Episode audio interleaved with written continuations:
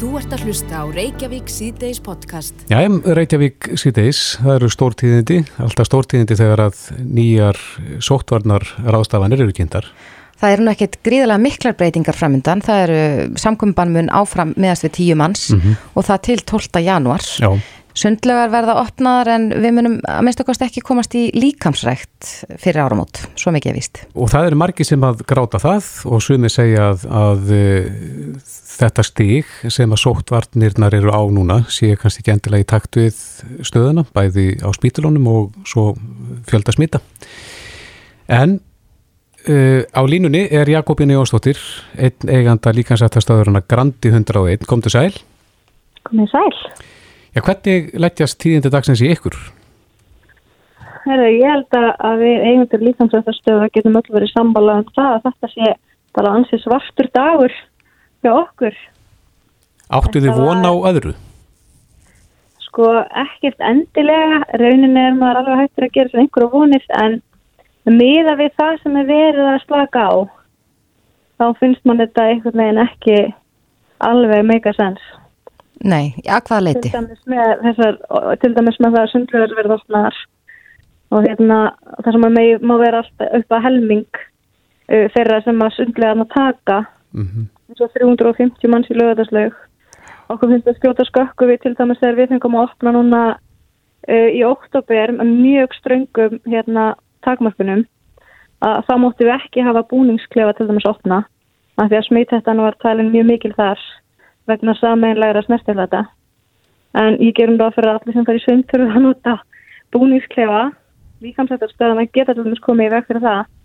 Við erum við hefum verið með, hérna, þurft að vera með hólfaskipt og, og það þurft að vera, við hefum þurft að fylgja þessum, þessar tveikjamættarreglu, það hefur þurft að vera uh, allt sótt eins og fyrir og eftir tíma, fólki að vinna með sinn búna allan tíma, það hefur verið mjög strám. Í rauninni hefur eini, eini sameilegi snertiflöturinn hjá svona okkur allavega stöðum sem hefur verið með hóttum, en það verið bara hurðarhótt inn og út, þannig að þetta er ekki, manni finnst þetta ekki alveg alveg sengjant. Það hefur náttúrulega, það hefur verið passað útrúlega vel upp á allt hjá, hjá stöðunum mm -hmm. og lítið, lítið um smitt. Við vitum bara valla um, um neyn smitt innan líkansættumstöðana. Þannig að þetta er, þetta er svona, já, við fáum, svo fáum engin rauk heldur fyrir, fyrir þessum aðgerðum af hverju við erum einhvern veginn sett í svona neðstaflokk. Við erum í rauninni líkansættastöður að flokkar með börunum núna. Mm -hmm við erum einu sem erum lókuð ásamt börum. Þannig að þetta, já, mann finnst þetta bara maður sér ekki alveg sótt hvað maður gildi Nei, mynduðu vilja, sko, kallið þið eftir að fá einhver haldbær rauk, einhverja rannsóknir sem styðja við það að, að ykkar starf sem sé áfram lókuð? Sko, við hefum sendt mjög marga posta á bæði á sóttvarnalækni og hilgveðisraðuniti og reyndar líka á, á fjármálraðara og á, á fórsættraðara og við hefum ekki fengið neyn haldbær rauk og valla fengi neyn svör heldur. En eru rauk sem að nýga í hináttina þar að segja að það sé ekki mikil smittætt á, á þessum stöðum? Við, já, við hefum náttúrulega bara alla rannsóknir sem við hefum skoða snúa bara, einmitt, eru bara sammála því að það eru mjög litlar líkur á smittum í líkansættastöðum þar sem að sótturðum er fyllt í kvíverna og þá eru við að tala um þessi tvekja með þetta regla, fólk vinni með sinn búna allan tíman allt sóttrensa fyrir og eftir. Um, uh, það er sem sagt uh, góð loftarsting og svo framvegs uh, við hefum sko fjöldan allan af rannsóknum núna og það er, það er engin sem við hefum fundið sem að sínir fram á að sé mikil smitt þetta og sama bara á við um, um bara smittrækningar í kringum okkur bæða Íslandi og löndunum í kringum okkur. Það verðast vera mjög hérna fátíð smitt í líkamsættastöðum. Hvaða rannsóknir ert að vísa í? Við erum með eina, hérna, eina rannsókn sem var til dæmis það sem var tekið sem sagt, þetta voru, voru gögn frá, stegi greining á gögnum frá 62 miljónum líkamsættar heimsókna.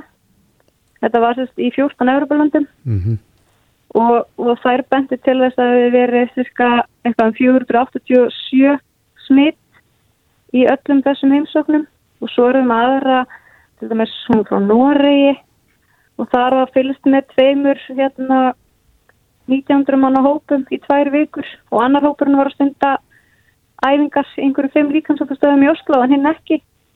Og niðurstafan var eitt smitt í æfingahóknum mm. og sem að reykja nátti svo til vinnustæðar það smitt var en eins og ég fengi tölur frá Nóri og þeir tala um tvö smitt sem hafa greinsta í líkansáttastöð í, Nór, í Nóri þannig að þetta er, þetta er svolítið svipa bara í löndunum í kringum okkur það eru ekki mörg smitt sem að má reykja til líkansáttastöða. Já, þannig að, þannig að þessa tölur finnst ykkur ekki raukstiðja lókun og sérstaklega í svona langan tíma þá? Við höfum bara ekki fengið neyn rauk eins og til dæmis bara við höfum alltaf verið að byggja um til dæmis tölur frá Íslandi mm -hmm. og við erum nú bara, við erum ansið, við erum yfir 20 manns eigindu líkansáttastöða erum í, hérna, erum í daglegum samskiptum og það veit engin um neitt smitt innan sinna stöðvar. Akkurat. Og mér það bara segja mjög mikið að þú veist að hafa náttúrulega allir við, eða líkansáttastöður hafa fyllt með ströngum sótturnum frá því bara í vor Já, en, en, en, en finnst ykkur því að hafa fengið að spreita ykkur á því að, að, að sko viðhalda sóttvörnum til eins ídrasta vegna þess að, að það var þetta bara frekar snemma sem að var lokað hjá ykkur Já, sko við fengum í rauninni þegar það byrjaði þannig að aukast núna í, í hérna, bæðin og það fyrir að opna um í vor þá þurfti að vara allt mjög stránt svo svona aðeins hérna, var þetta að minna að koma sækja metra reglan fór niður í 1 metr og eitthvað hérna í sumar uh mhm. -huh. og hérna svo kemur áttur í haust þegar þetta fer að fara eins og þá þurftum við að fara að verða áttur þú veist það var áttur sækja metra reglan og, og já allt mjög stramt og hérna og sömu leiðist þegar við opnum í oktober alveg óvænt þegar hérna allt í einu fengu hóptímastöðu og svona hóptíma var opnað fyrir hóptíma þá er einnig fengu við þá náttúrulega fengu við alveg vel að spreita okkur á því að hafa allt mjög það var alltaf mjög hardt að þurfti til dæmis bara að vera sér ingangar inn í alla tíma og þannig að við vorum, dæmis, og, veist, við vorum með þrjár, þrjár útganga hjá okkur og það mátti ekki vera neitt, það var bara allstæðar að loka á milli og það passa mjög vel upp á allt. Mm -hmm. og hérna ég held að við höfum alveg sannað að það hefði verið það sem ég vel passað upp á allt hjá okkur og fólk, fólki finnst að vera örugt við erum með fyrsta fólki sem æður til þessu okkur sem ekki freka að fara á æfingu heldur en að fara til dæmis í búðina að versla mat finnst það örugara á æfingu heldur en í bónus En Jakobína, hvað með svona líðhelsu sjónamið að baki þess að sko hafa líkansrættastöðar lokaðar? Nú verður það sínt sig á sannaða að, að líkansrætt gerir já, bæði líkamannum og, og, og geðhelsu gott Já, við hefum náttúrulega Vistu, ég er náttúrulega, við öll hefum náttúrulega gríðarlega áhagir af því og það er náttúrulega fyrir okkur, fyrir okkur það er náttúrulega það sem að skipta mestu máli. Við finnum það, það er farið að draga verulega fólki og fólk er ekki jafn tilbúið í til dæmis að taka heimaæfingar og eitthvað eins og það var í vor. Og skemmt þetta er í stutt, stuttu tími. Að var einhvern veginn hafið eitthvað að stefna hérna, í sumars og, og núna þetta er bara þetta er allt annað, fólk er orðið eða margir orðið bara virkilega stungir og fólk er á erfitt. Og eins og við veitum margir búin að missa vinnuna. Krakkar hérna í mentarskóla og háskóla búin að vera mikið heima margir bara einangraður að hafa ekki neitt og hérna, þetta var svona komast á æfingu var svona kannski svona skemmtilegasti tími dagsins host, koma, sjá annað fólk taka mm -hmm. æfingu og við erum alltaf bara okkur, við vitum það ábyggla flesta öll að líkansvægt skipt er gríðilega miklu máli og ekki síður núna á þessum tímum mm -hmm. bæði fyrir andlega og líkanslega hilsu En hafið þið, Jakobína, eh, eigendur líkansættastöð og þú segir að þið séu daglegum samskiptum, eru þið eitthvað að skoða réttastöðu ykkar? Já, við erum uh, búin að vera að skoða hana núna og við erum búin að vera í sambandi við nokkra lögfræðinga og hérna, við erum með þetta bara að hittast á morgun á fundi. Við erum hérna, ætlum með þetta bara að, að skoða þetta en við svona okkur, okkur sínist á öllu að þetta sé rauninni uh, ekki löglegt þessar lokanir og mm. þannig við erum að fara við ætlum að fara að kafa dýpri það en auðvitað viljum við við höfum fengið lögtaðingar til okkar sem hafa verið bara bent okkur á það að við getum bara að við ætlum að bara opna fá fólk til okkar, fá lögurglónu staðin fá sekt og fara þannig, veist, kæra sektin og fara í mál sem að flestir segja að allir hafa bara sagt við myndum auðvörlega að vinna. En auðvitað viljum við gera þetta bara í sátt og samlendi hérna með stjórnvöldum. Og við, við erum bara, það sem við þurfum virkilega á að halda er að þau skilji okkar okkar hlið, þú veist líka bara á þessum líðheilsu sjónarmögum, hvað þetta er ótrúlega mikilvægt fyrir fólki í landinu. Akkurat. Og landinu kringum okkur hafa verið opinn. Já, þú segir að þið viljið gera þetta í sátt og samlendi við stjórnvöldin en, en eins og þú segir að það er áðan að þá hafið ekki fengið, já, já haldbær rauk fyrir lokununum. Við höfum ekki fengið neyn svörk frá stjórnvöldum, bara ekki neyn og sóttvarnalæknir reyndar hefur svarað okkur en, en það hefur verið allt mjög loðið og einhvern veginn hann hefur samt, þó hann hafi sendt svör, þá hafa þau verið mjög svona illa raukstutt og hérna en við náttúrulega gerum okkur líka grein fyrir því að hann kannski, hann ætti náttúrulega kannski ekki að að taka hérna, hann náttúrulega horfið svolítið meira kannski á veiruna en, en við erum líka að horfa á þetta út frá öðru veist, og til dæmis líðfélsu sjónamegum okkur finnst til dæmis að heilbriðs að vera ráðherrnar í okkur ættu að, að horfa á önnur aðtriði líka. En eftir að reglunar koma út í dag hins vegar þá sér maður heldur ekki sko sóttvarnar uh, rökin maður skilur þetta ekki alveg. Nei, og, og við veitum að til dæmis það eru jókastöðvar sem eru flokkaðar undir líkastöðvar sem hafa verið lokaðar síðan um byrjun oktober það sem eru jókatímar og við talum um hugleislu til dæmis það sem fólk getur verið sem hefur ekki komað saman tíu manns í resa sál það getur verið með 5 metra á milli sín. Þau mögur ekki koma saman af því það heiti líkamstaktarstöð en svo mögum við sjá sko ótakmarkaðan fjölda til dæmis í kringlunni og, og nú eru komið þessar reglur eins og í búðum, það mögur að vera 5 manns á 10 fermetrum í öllum búðum, þetta er náttúrulega bara orðið orðið svolítið sérstakt. Sjúkrafjálum var að mega að vera með hóptíma á 10 manns. Og þeir eru búin að mega það allan tíman þannig að meðgöngusund er til dæmis búið að vera í gangi núna síðustu vikur og mánuði.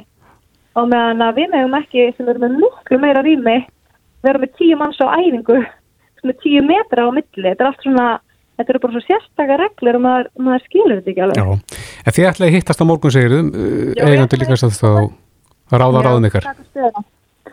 Við pössum upp á, upp á tíu manna hérna hangurkíð og, og takkjum þetta regluna. Já, allir með grímu. Allir með grímu. Já, Jakobína Jónsdóttir eigandi líkansættastöðurinn að Grandi 101 Kæra þakki fyrir þetta. Takk fyrir að heyri mér. Bless, bless. bless. Þú ert að hlusta á Reykjavík C-Days podcast. Já, Reykjavík C-Days á bylginni. Það er nú ímis mál sem að tengjast um, ástandun í þjóðfélaginu og nú verður blásið til geðheilbyrðis þings á uh, morgun. Akkurat. Það verður Svandi Svavastóttir, heilbyrðis á þeirra sem að mun setja þetta þing í fyrirmál klukka, klukka nýjum. Já, Svandís er á línunni, kom til sæl. Sælverði. Já, geðhelsa þjóðurinn og hún hefur svolítið verið í brennidepli núna sérstaklega kannski á setni stegum faraldsins. Já, það, það er held ég okkur öllum ljóst að þetta er tölverst álag fyrir um, fólk bara fyrir hvert og einn einstakling og fyrir fjölskyldur og heimili og, og samfélagið í heilt að, að, að ganga í gegnum faraldurinn. Og það er mikilvægt að við, þó að við vitum það að við höfum mikið úttalt og, og við erum uh, svona þolgæðis fólk að þá vitum við það líka að, að þó að flestir komist í gegnum þetta vel að þá verðum við auðvitað að passa upp á okkur sjálf og okkar nánustu. Mm -hmm. Hvert er markmið þessa að halda svona geðhelbreyðsting? Hvað viljið þið fá, fá út úr því? Já, sko, það, það er náttúrulega kannski fyrsta lagi vegna þess að geðhelbreyðis vandi er einn stærsta áskorun í helbreyðismálum samtímans, bara almennt og óhóf COVID. En líka vegna þess að, að svo geðhelbreyðistefna sem að núna er í gildi, hún er að renna sitt skeið á þessu ári og, og við þurfum eiginlega að taka púlsinn og sjá á hvaða leið við erum inn í framtíðina, hvað við viljum leggja áherslu á í næstu skrefum um, og við viljum þá leggja mjög miklu áherslu á það að eiga samráð og samtal við, við notendur heiltur í stjónustunar af því að þar eru rattir sem eru alveg gríðulega mikilvægar í því að, að þróa þjónustun áfram. Mm -hmm. uh, líkamlegt heilbriði og andlegt eh, helst í hendur? Þetta er, þetta er nátengt. Við hefðum við náðan í eiganda líkansættastöðar sem er ekki ánægð, hún er ekki ánægð með e, þessa nýju reglur að það sem tilkynnt var í dag og e, talar um sína viðskiptöðinu sem, sem er að missa því að, að rækta andlega hilsu ekki síðan að þá líkamlegu. Já, það er erfitt að, að hérna, taka ákvarðanur um sóttóðnarverkjörðu þannig að allir verði ánæðir og, og það er alltaf þannig að það er einhverju sem vilja ganga lengra og einhverju vilja ganga skemur. Mm -hmm. En ég er algjörlega sammála því að, að líkamlega og andlega helsa helst í hendur og, og við veitum það náttúrulega þegar við erum að skoða bara lífhelsu að þessir þættir sem eru mataræði reyfing og ekki síst svefn eru mikilvægir ekki bara til að halda líkamlega helsu heldur líka til þess að uh, viðhalda geðhelbriði. Og ég held að við séum all, líka bara sífælt með þetta um það hvað þetta hangir allt saman að, að þegar við erum að hlúa líkamleiri heilsu þá erum við líka að hlúa þeirri uh, andlegu og öfugt. Akkurat, en það hefur aðeins verið kallað eftir bæði fyrir sjámanleika og, og einni kannski raukstuðningi við þar aðgerið sem eru í gangi og við nú tókum saman að þann 3. oktober síðastlegin var sett á 20 manna samkomban en þann dag hafðu 61 greinst smitaður og, og það voru 650 mann sem voru með virksmit í landinu. Staðan er allt önnu núna. Hvernig, hvernig er komist að þeirri niðurstöðu að það skuli halda þessum hertu aðgerðum? Við erum náttúrulega að taka áförðunum það og, og, og, og gefa það út í dag að það eru umtalsvert mörg skref sem við erum að stíga þó þessi all varfærin í því að losa um Og, vandin sko viðfáðsefni er alltaf það að, sko, að við þurfum að horfa til þess á hvaða leið faraldurinn er og við sjáum það mjög vel frá tölfræðiteiminu sem að hefur verið að reikna út og spá með spálíkani hvert faraldurinn er að fara að við erum á mjög viðkvæmum tímapunkti akkurat núna. Eh, það getur verið að við séum búin að ná undirtökunum og við séum búin að ná stjórn á faraldurinnum en það getur líka verið að við lendum í viðsnúningi eins og við lendum í bara núna fyrir örfáum dögum þegar við vorum með áformum það að að stíga skref til þess að aflétta en, en þá í raun og veru tók uh, faraldurinn aftur kipp. Uh, nú til dæmis í, í voru mörg uh, sínetekin í kær uh, og þar eru fjögur utan sótkvér og það skiptir mestu máli þegar við erum að skoða það hvort að faraldurinn sé ennþá kræmandi út í samfélaginu eða ekki. Og nú sjáum við að svo er. Við vitum að við erum að fara inn í tímabili það sem er alveg greiðilega mikið um samkómuhald og, og við viljum heita hvert annað. Það er mikið um það að fólk er að fara með til landsluta og svo framvegist þannig að við erum að fara í tímabili það sem er uh, verður heilmikil áskorun að halda uh, sótarnar ástafanir og, og, og en hér eftir sem hinga til er það, er það þannig að ef að hver og einn passar upp á sitt og hver og einn passar líka upp á það að, að sína Uh, sína mildi og væntum þykju hvert sjálfum sér og sínum nánustu þá komumst við gegnum þetta eins og annað og getum uh, glaðst saman mjólinn. Mm. Er þetta ekki smeg við að missa svona uh, samstöðuna þegar að, þegar að fólk, fólk er ósátt við við hefðum til dæmis hérna í viðtali einn áðan að, að eigandi líkasættastöðu alltaf hittast á morgun og, og alltaf skoða lagalegu stöðu sína?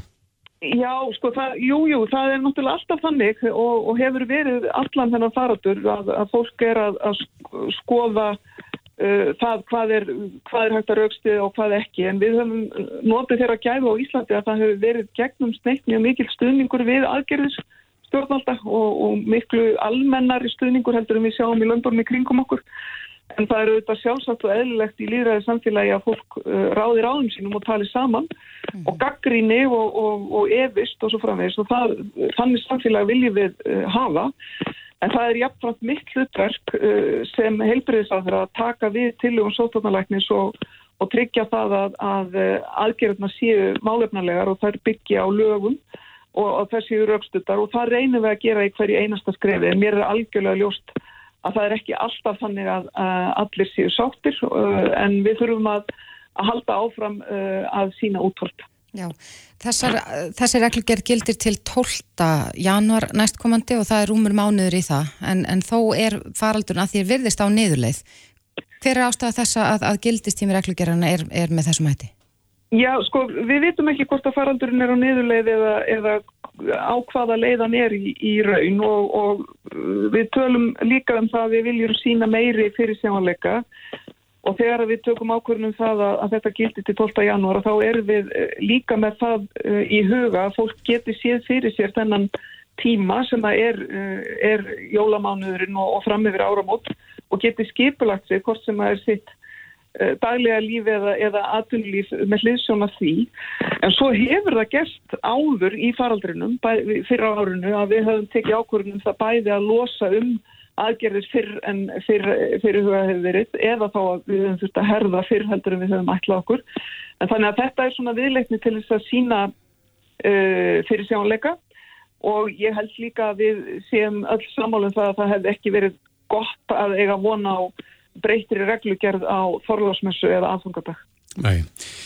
En uh, aftur á þessu þingi, uh, þú ætlar að setja það í fyrramál klukka nýju, þetta er nú stutt, frá nýju til ellefu og um, þarna koma margi fram og allar ræða meðalans verður hérna rætt um eldri borgar og stöðu þeirra, andlega stöðu þeirra svo eitthvað sem nefnt Já, við erum að, sko, þarna eru að koma saman uh, allt nokkrir aðilar, bæði fulltrúar uh, landsambanseldri borgara, formaður hugarafs og, og sálfræðingur á landsbítala og, og sérfræðingur í klíniskri sálfræði við uh, helsugæflunni Garðabæ, við erum með sálfræðingur á MH Uh, og formaður geðfræslu félagsins hugrúnar, sálfræðingur hjá ennbætti landlæknis og formaður landsamtakana geðhjálpar. Mm -hmm. Þannig að við erum að, að reyna að ná saman uh, svona þessum mikilvægu röttum sem að hafa verið að, að sinna geðheilbyrðismálum frá degi til dags uh, undanfarin ár en líka það fólk sem er, er líklegast til þess að hjálpa okkur við það að stilla saman strengi fyrir næstu skref því að það er það sem við viljum gera.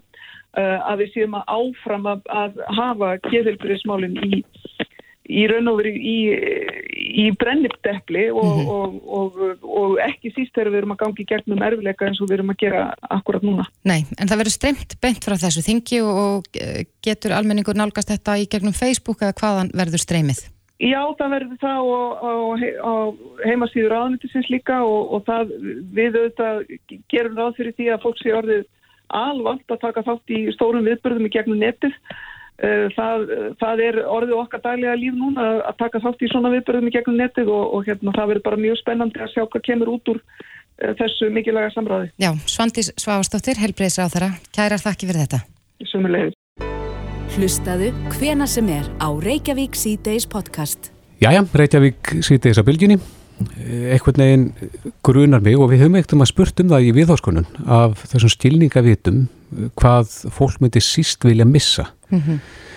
og uh, langflesti nefna sjónina að hún sé svona mikilvægast stilningavitið Já, ég hugsa að ég sé bara sammála því Já. og ég myndi líklegast ef ég var að taka þátt í slikri viðháskonun velja sjónina Einmitt En ég rakst hérna á grein, það sem er verið að tala um uh, rannsóknir sem að lofa góðu. Þetta er rannsóknir á vegum vísindamanni á Harvard háskólanum. Uh, það sem að þeir nota genaþerapíu uh, til þess að vinna á gláku. Jaha. Og einhvern veginn hef ég haft á vittnustju að gláka sé ólæknandi sjúkdómur. Akkurat, ég, ég hef heyrt talað um gláku oftar en einu svoni mm -hmm. en ég áttam ekki alveg á, á sko, hvers kynns auksjúktumur það er. Nei, en sem betur fyrir erum við með sérfrængin til að segja okkur frá þessu. Óláður Már Björnsson, augleiknir hjá Sjónlægi, augleiknastöð, kom til sæl. Sælviði. Er það ekki rétt gláka hefur verið til þessu ólæknandi og er það? Jú, það er að segja að, að gláku skemmtir hafa verið ólæknandi. Gláka er eins og kannski farið við það er, er sjúkdómur í sjóntauginni mm -hmm. sem er, er snúran líka frá auganu til heilans og flyttur öll bóðin um, um, um sjónin okkar og gláka eh, er í raun og veru sjúkdómur þar sem að hún skemmist og taugarna gefur upp öndina og, og smá saman svona molnar úr sjónsviðin og myndin okkar ef ekkert er að gert. Sér maður þá bara eitthvað þókukent eða, eða bara kemur myrkur eða hvernig? Já, já, þetta er nefnilega einn af fáin sjúkdómum sem getur í raun valdið þar sem við kallum tóta blindu og, og þannig að allt verður svart en oftast nær er þetta nú þannig að það byrjar í svona sagt, svörtum deplum þá meira til hliðar í sjónsviðinu sem að svona smá sem að geta sig inn að, inn að miðju hægt og rólega og þó við eigum kannski ekki beint lækningu við þessu og þá hefur okkur nú almennt tekist nokkuð vel að halda í horfinu og koma í vekk fyrir eða hæja verulega á sjúkdómum. Akkurat. Hversu uh, algengt er þetta, ef við tökum sem dæmi bara hér á landi, hversu, hversu margir þjást af gláku? Þeir eru nú ansi margi sem að eru með, með greininguna, ég er ekki með nákvæmlega tölu í hausnum en það leipur nú á, á, á sannilega einhverjum þúsundum sem að eru svona með greininguna eða eru svona á mörkunum því að stundum er svolítið erfitt að, að greina sjúkdómi mm -hmm. og, og, hérna, og það er það sem gerir svolítið erfitt að, að einkennin eru í raun og veru sjóðlösu sem að segja, maður, það er bara sjónsviði sem skerðist en maður finnur ekkert endilega til allavega í fæstum tilíkum. En þú ert búin að kynna þess að þessi frétti frá Harvard uh, og þessum tilhörnu þar hjá vísindamennunum. Hvað, út af hvað gengur þetta? Það sem er svolítið áhugavert við þetta, þetta er náttúrulega þessi fræða genafræði og genalækningar sem henn eru að gera tilrönu með. Uh, hinga til hafa þeir verið að fókusera á það að, að reyna að stöðva sjúkdóminn, að hafa áhrif á, á DNA-ið okkar uh, og, og stöðva þannig framþróunan sem það sem að þeim verist að hafa tekst í þessari Þessari rannsók sem var verið að byrta í tímaritinu Nature að er að e, þeim við tekist að ekki bara stöðva sjúkdóminn heldur hreinlega endur forrita próteinin okkar sem að lesa DNA-ið og, og eru þau sem að valda öldruninni að það er bylunum þar.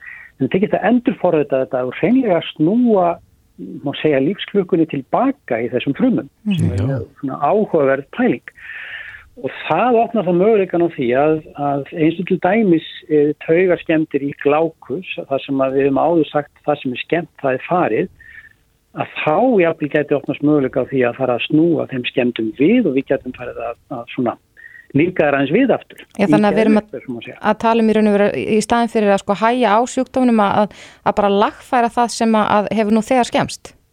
Það er eiginlega það sem að þeir eru aðeins að gefa í skinn að þeir hafi náða að kíkja þarna aðeins fyrir hotn og, og uh, eiga þarna ymsa möguleika. Ég tekka nú fram að þetta er nú allt gert í tilrunamúsum og, og en þeim tókst þarna á með nokkuð samfærið hætti að sína fram á að þarna væri möguleg leið til þess að að, hérna, að nálgast vandamáli frá, frá þessum sjónaróli og það myndi náttúrulega breyta miklu. Já, en svona almennt hjá ykkur augleiknu, hvernig hafið þið haft á eitthvað stjólstæðingar í COVID? Eh, við hefum nú verið með opið allan tíman og hérna enda eru svo svona fleiri sjúktumar í gangi í þjóðflæðin en bara COVID þannig að það hefur nú verið mikilvægt að halda upp í svona lamaseftiliti og þjónustu uh mhm. -huh. og eins og stæðin núna er það bara eins og, eins og vanalega og mikilvægt að reyna að passa upp á það að, að maður einmitt missi ekki sjón, það er ju það sem við erum mikið til að berjast, berjast við með bæði körkun í uppbóknum, gláku og aðra sjúkdóma. Er gláka svona það algengasta sem þið eigið við eða er þessi uppbóknarhörnun líka? Nei, ég vil ekki segja því algengasta en, en uppbóknarhörnunum hjá eldri, eldri hópnum og, og skýmyndun og augarsteinum eru svona þessar þessar algengu hérna, þetta er þessi stóru þrýr sjúkdómar sem að mann kynni þjáist af við erum að vera svo gömul. Akkurat, en, en hefur, hefur sko tæknin í þessu farið fram á síðust árum, er þetta komin meiri tól til þess að sko lækna eða stöðva þessa þrjá sjúkdóma?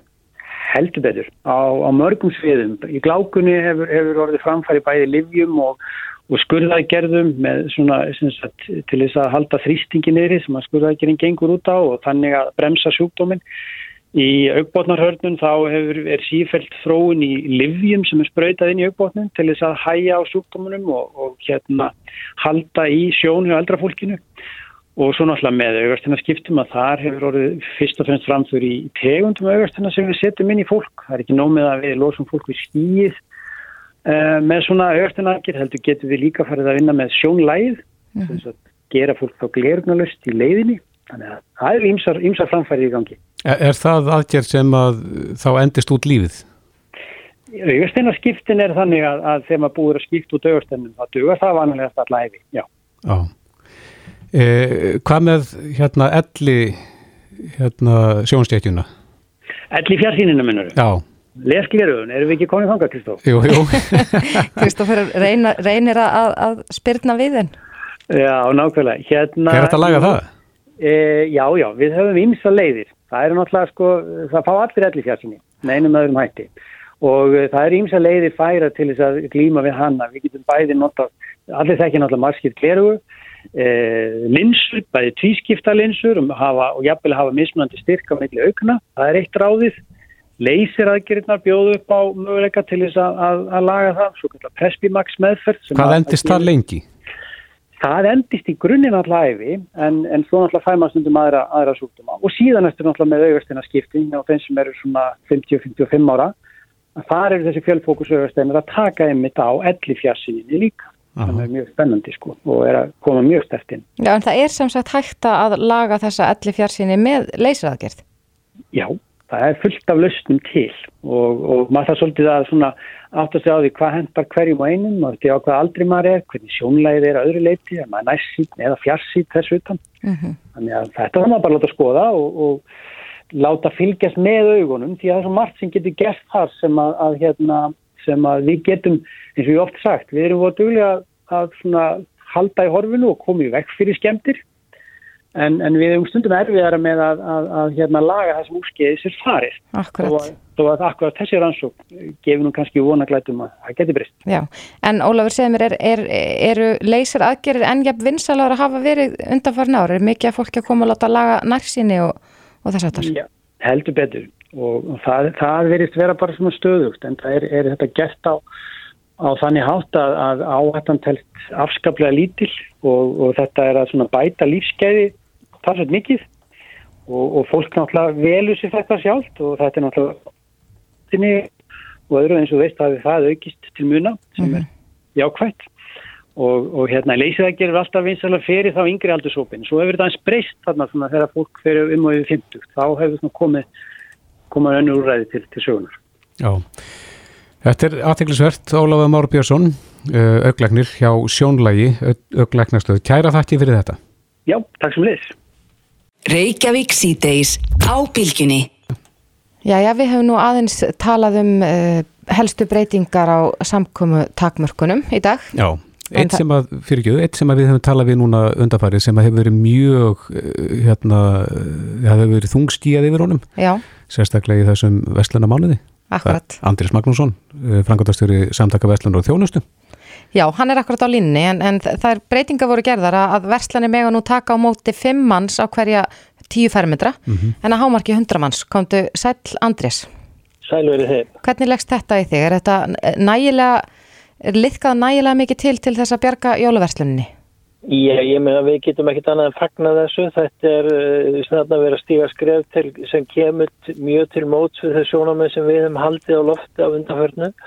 Það er ju þannig að það er ekkit einasta dæmi okkur vitanlega sem, um smitt sem komið hefur upp, upp í verslun og uh, við hefum líka bent á það uh, að við hefum miklar áhyggjur af þeirri, uh, þeim röðum, þeim byðröðum sem hafa myndast og munu myndast hérna fyrir fram á vestlaninnar á þessum tíma.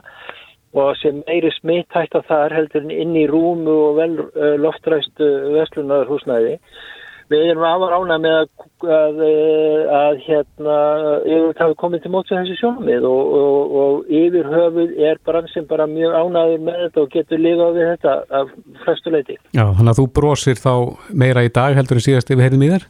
Ég brosi mun með meira. Já, en svo kann eitthvað að spyrja líka með þessa raði sem að myndast fyrir utan vestlanirnar. Er þetta eitthvað, er þetta á, á hérna ábyrð sóttvarnarlæknis eða sóttvarnar yfirvalda eða er þetta á ykkar ábyrð, vestlunamanna? Ég menn það er bara hver, hver og einn viðskiptavinu á sinni einn ábyrð þar og bara bera að hlýða þeim uh, hérna uh, fjarlæðareglum sem almennt eru gildi, sem tvekkja metra reglun er í gildi fyrir utan utan búðirnar og það er ekki, það er enginn sem ber ábyrð á því þar nema einstaklingurinn sem í hluta á. Þannig að það er líka áhyggjafni að því menn hafa alveg séð uh, að fólk er ekkert að virða þess að tvekkjumöndur þar í alls konar veðri og alls konar uh, hérna, ástandi. Já, akkurat.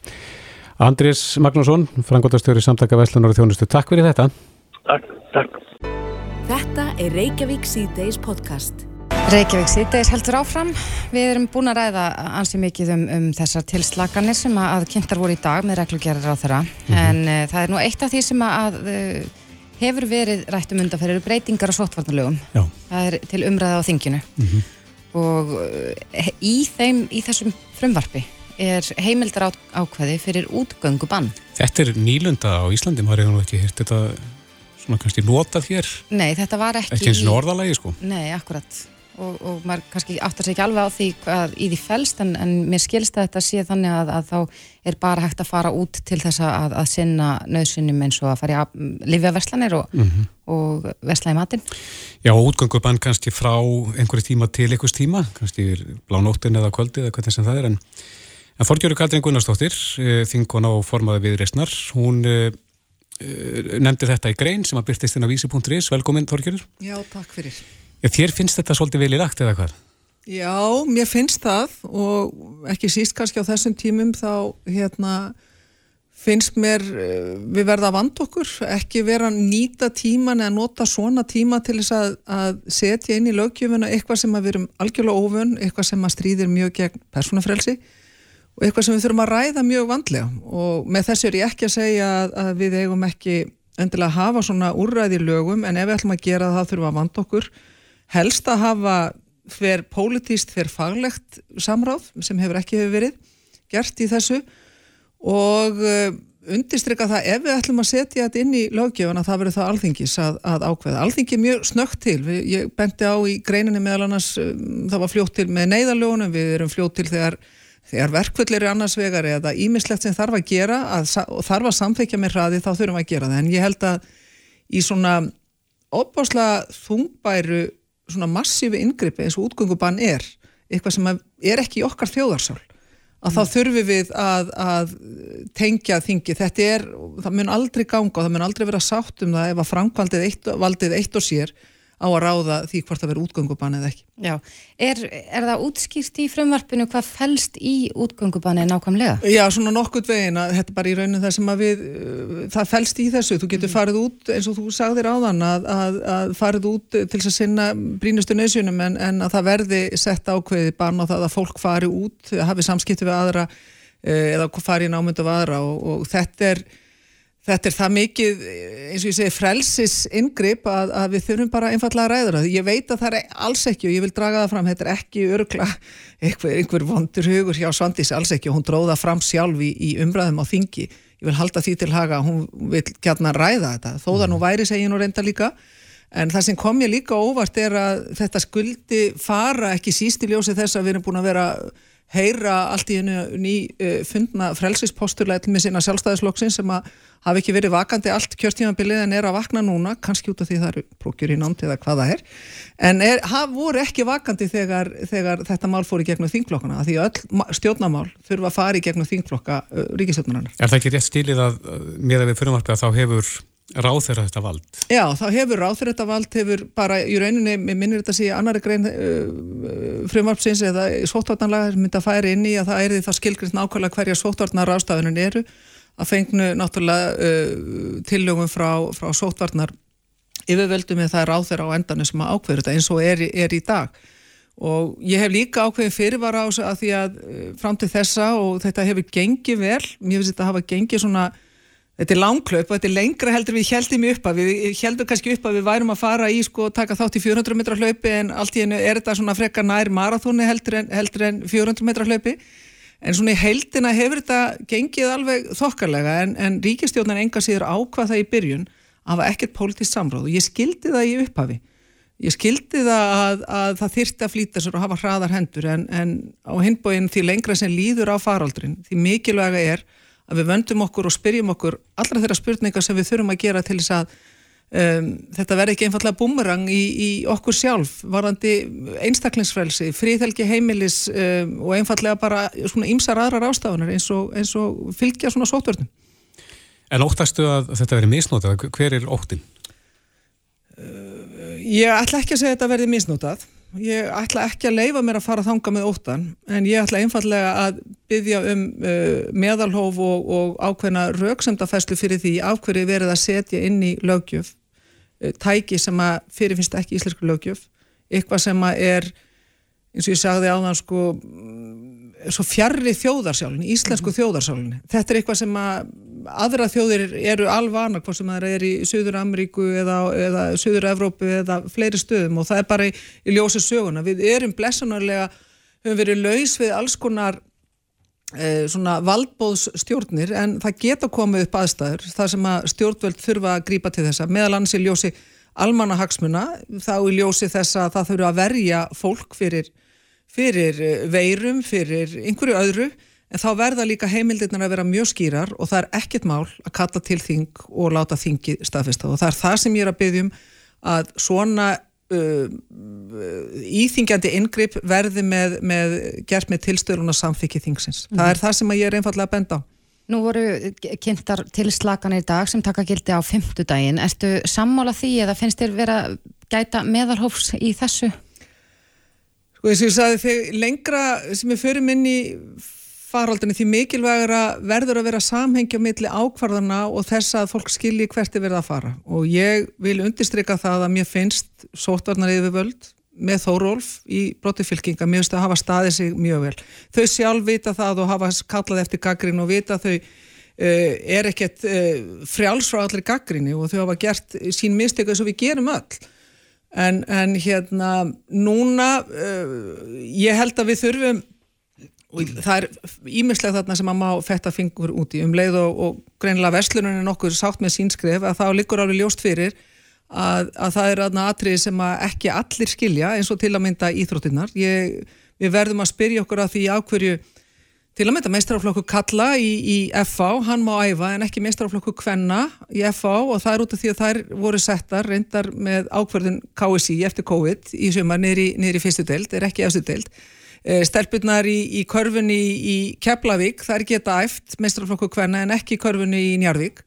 Þannig að það er, það er eitthvað ósamræð með þarna og ég held bara að þetta, þetta nei, ég, þarna er, þetta er dæmið það sem að ég er að brína við, við ríkistjónuna að þetta er ekki sóttvarnar yfirvalda, þau mm. leggjum þetta ákveðna línur. Ríkistjónun verði síðan að vinna innan þess ramma sem að sóttvarnar yfirvaldi er að beina þeim í. Og það er eins og eins og bara íþróttamálur á þann hafi ekki verið við borðið, það er eins og það hefur engin flagga bara svona þú veist bara einsýn eða áherslum okkar sem að höfum verið í íþróttum. Uh, og þannig að, að hérna, ég bara trú ekki öðru, ég trú ekki öðru en að að, að þetta hljóta að verða skýrt betur og, mhm. og, og bæði íþrótta og helbreyðismálar á þeirra uh, útskýri þetta betur.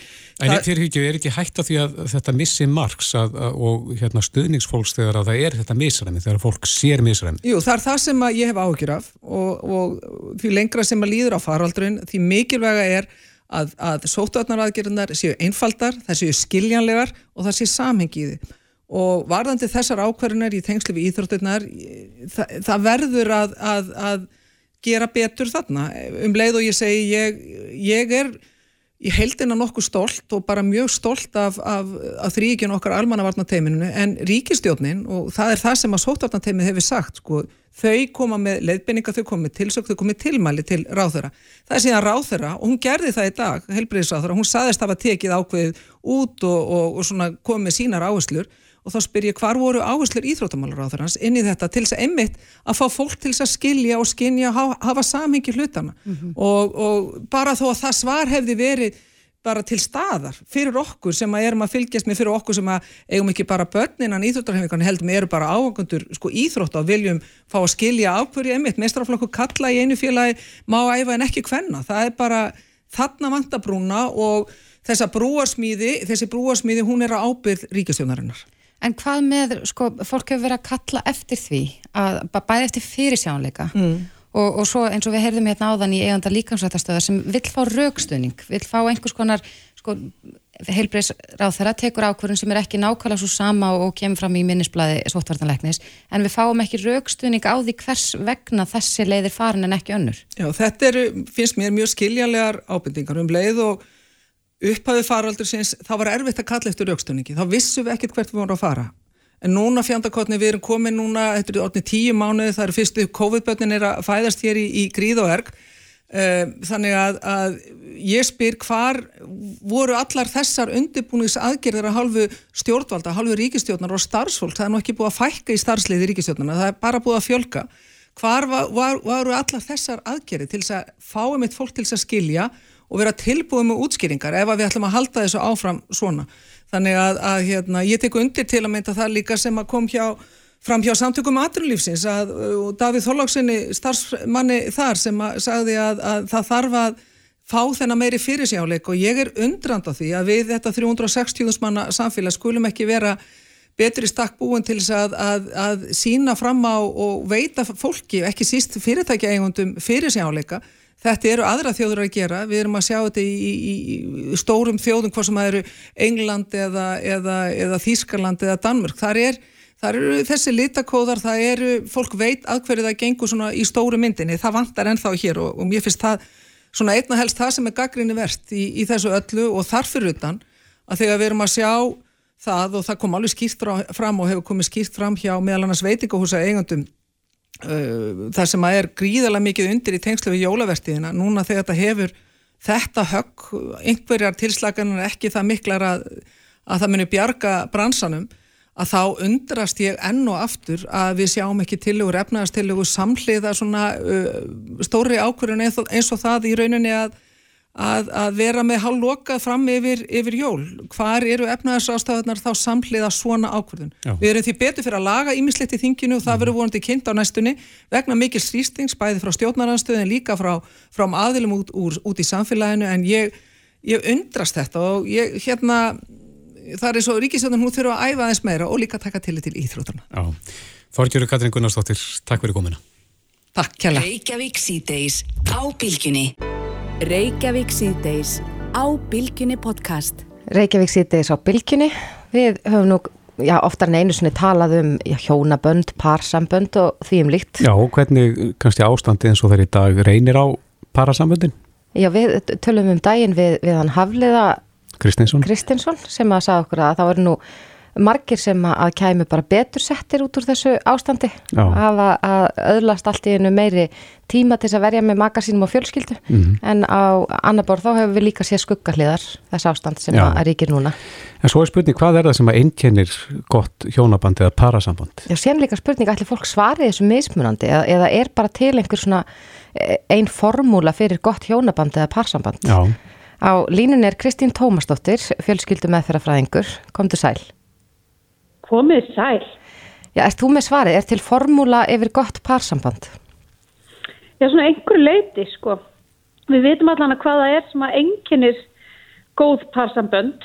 Svona, þú veist, ef við skoðum meðaltöl og, og miðgildi og munstur. En svo er þetta náttúrulega allt bara mjög einstaklingsmiða líka. Það mér finnst allan að gott að, að líta til svona hamingjuransókna í mm -hmm. þessum efnum og ef maður skoðar hamingjuransóknir að þá sína þær, þú veist, hamingjuransóknir er svona rannsóknir eins og, þú veist, Ísland hamingjusamast og þjóði heiminum.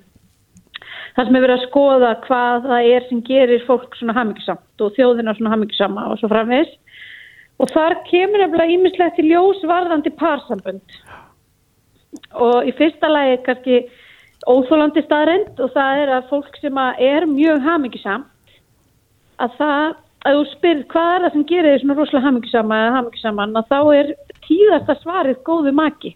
Jáhá, þannig að Já. þetta er ekki góða fréttir fyrir eh, þá sem eru einleipir. Nei, kannski ekki. Eða bara þeir sem eru einleipir eru þá alltaf að taka ábyrð á einn hamingju að því leita sko vondur eða slæmur maki eða slæmt parsamband getur líka að dreyja mjög mikið úr hamingju okkar. En hvað og, gerir samband gott? Það er þess að hver er líkillin að því?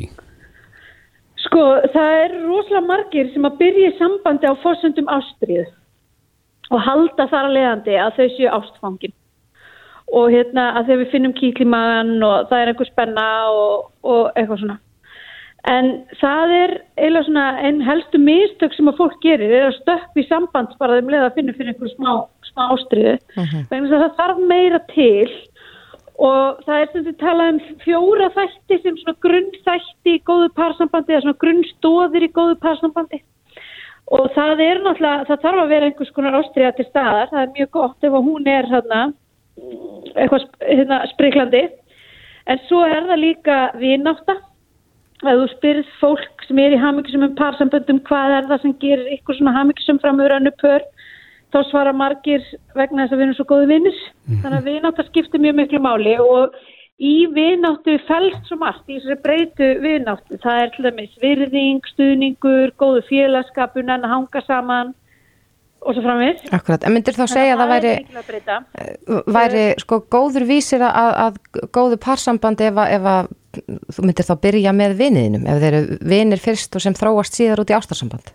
Nei, sko, þetta eru er fjórar mikilvægastóðir mm. og þú veist, eitt er að er að það þarf að vera einhver ástriða til staðar, einhver námt sem er nú yfirleitt ekki millir bara vennilega að vinna. Uh, svo þarf að vera einhver vináta. Svo er mjög gott að geta deilt lífskoðunum. Það er að segja að þú veist, mjög hægri sinu manneskja og mjög vinstri sinu manneskja og ein vegan og hinn kjötæta og ein, ein katholikki og trúleysingi. Þetta gengur alveg en þá þarf að vera allavega til staðar mjög mikil virðing fyrir mismunandi sjónamið. Nú hefur maður stundum hirt, Kristinn. En það er mjög gott, já. já. En maður hefur stundum hirt líka að, að fólk segja að við vegum hvort annað svo vel upp, við erum svolítið ólík en að við vegum hvort annað upp. Já, það er bara hérna, flott sko og getur bara, það, það, það getur brúðið til begge átta þar en það hérna, sem skiptir kannski mestu máli varðandi það að vega hvort annað upp er svo síðast í þátturinn sem að er að þekkja hvort annað vel að þekkja uh, hvernig við nálgum slutina mismunandi, að þekkja hvað makinn hvað, hvað við komum til dreymir um eða hvað er uppbólsmaturinn hennar eða hvað án eftir ókláraði lífinu eða eitthvað svo leið mm -hmm. þannig að að þetta eru svona þessir mikilvægu stóðir sem að maður er alltaf að fiska eftir þegar maður er að skoða parsambundin hjá fólki. Já, en hvað með, svo heyrim að stundum sko fólk tala um að, að það sé svo gott að þeia með magasinu, það er að segja ekki bara það að tala við hann heldur líka að líða vel sko og segja ekki neitt. Um mitt. Og ég held að það komin á alla þessa þætti og kannski sérstaklega hérna, með vináttinu og bara finnast gott að vera saman En ég fæ oft til mín fólk sem að segja bara við höfum ekkert að tala um, ég veit ekki um hvað við höfum að tala um. Það er alltaf svo óþægileg þögn á meðl okkar. Mm -hmm. Og þá reynir ég eflitt að nálgast það í gegnum þennan þekkingar þátt að, að hjálpa fólki að skapa dýbri samræði sín á milli, að, þek, að sko, hjálpa fólki að viða sér þekkingu um hvort annað og, og skoða hvaða er sem það hefur sameigilegt og hvaða er sem það getur rætt um og þótt gaman að ræða um saman. Það er bara eitthvað sem maður getur hjálpa fólki með. Sko. Akkurat. En, en er eitthvað, eru til já, lausnir fyrir fólk sem kannski er ekkert sérstaklega góð vinnir en allir hinnir þættirnir eru til staðar? Já, það er alveg hægt og það er hægt að vinna í rauninu með allar þessar stóðir en það er oft svolítið erfitt þegar virðingaleysið er orðið ríkjandi mm -hmm. sem er helst svolítið hendum með við, við vináttuna.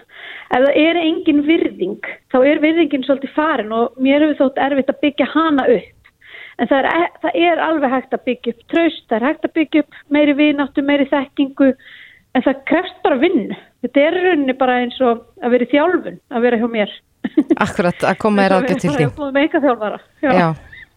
Já, þetta er áhugavert, ég hugsa að það sé um, eflust margir að núti sem að taka þetta til sín. Já.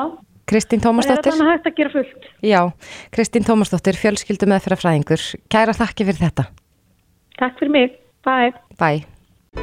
Reykjavík síðdeis á Bilginni podcast. Já, góður álsar, svo hörmungar frétt barst út yfir hinsbyðin að, að eh, John Lennon hefði verið skotinn, dreppinn, hreinlega. Á kvöldgöngu komandi heimumstar í, í, í New York, skiptir ekki málinn. En allir þeir sem lifðu þennan dag og heyrðu fréttinnar setja þessa dagsetningu í automatíska minnið með aðra stórviðburði heimsögunar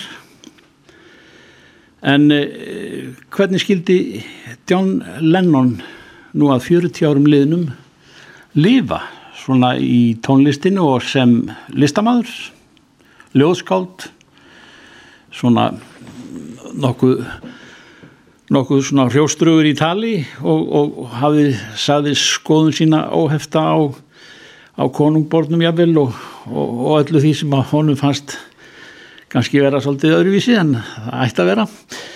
E, og við sjáum hér súluna e, skína bí himminkólfið úr viðvei á hverju ári sem er minni mann alltaf á mannin og hvað hann gerði og hvað hann laði til hins menningarinnar Snorri Helgarsson er, er hljómlistamæður ekki af býtlakynslu og þess vegna, já ég veit að þú hefur þekking á Lennon og finnst mikið til hans koma og hans tónverka og hugverka bara almennt eh, hvernig er hann í þínni menningu svona á þessum degi?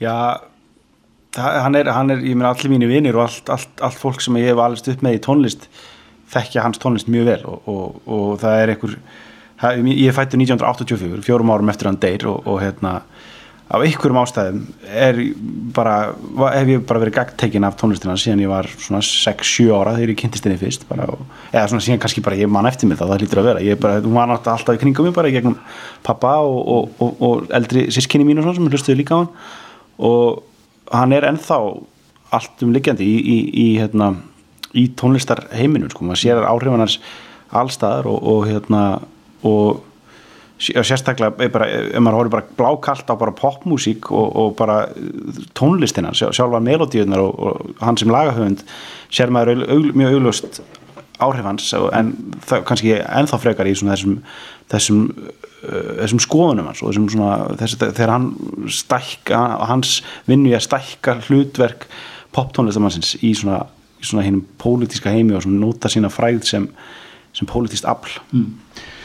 Hvernig er að spila Lennon? Nú var hann ekki sko flókin hann, hann, hann en þetta passa allt saman saman jú, samt jú, jú.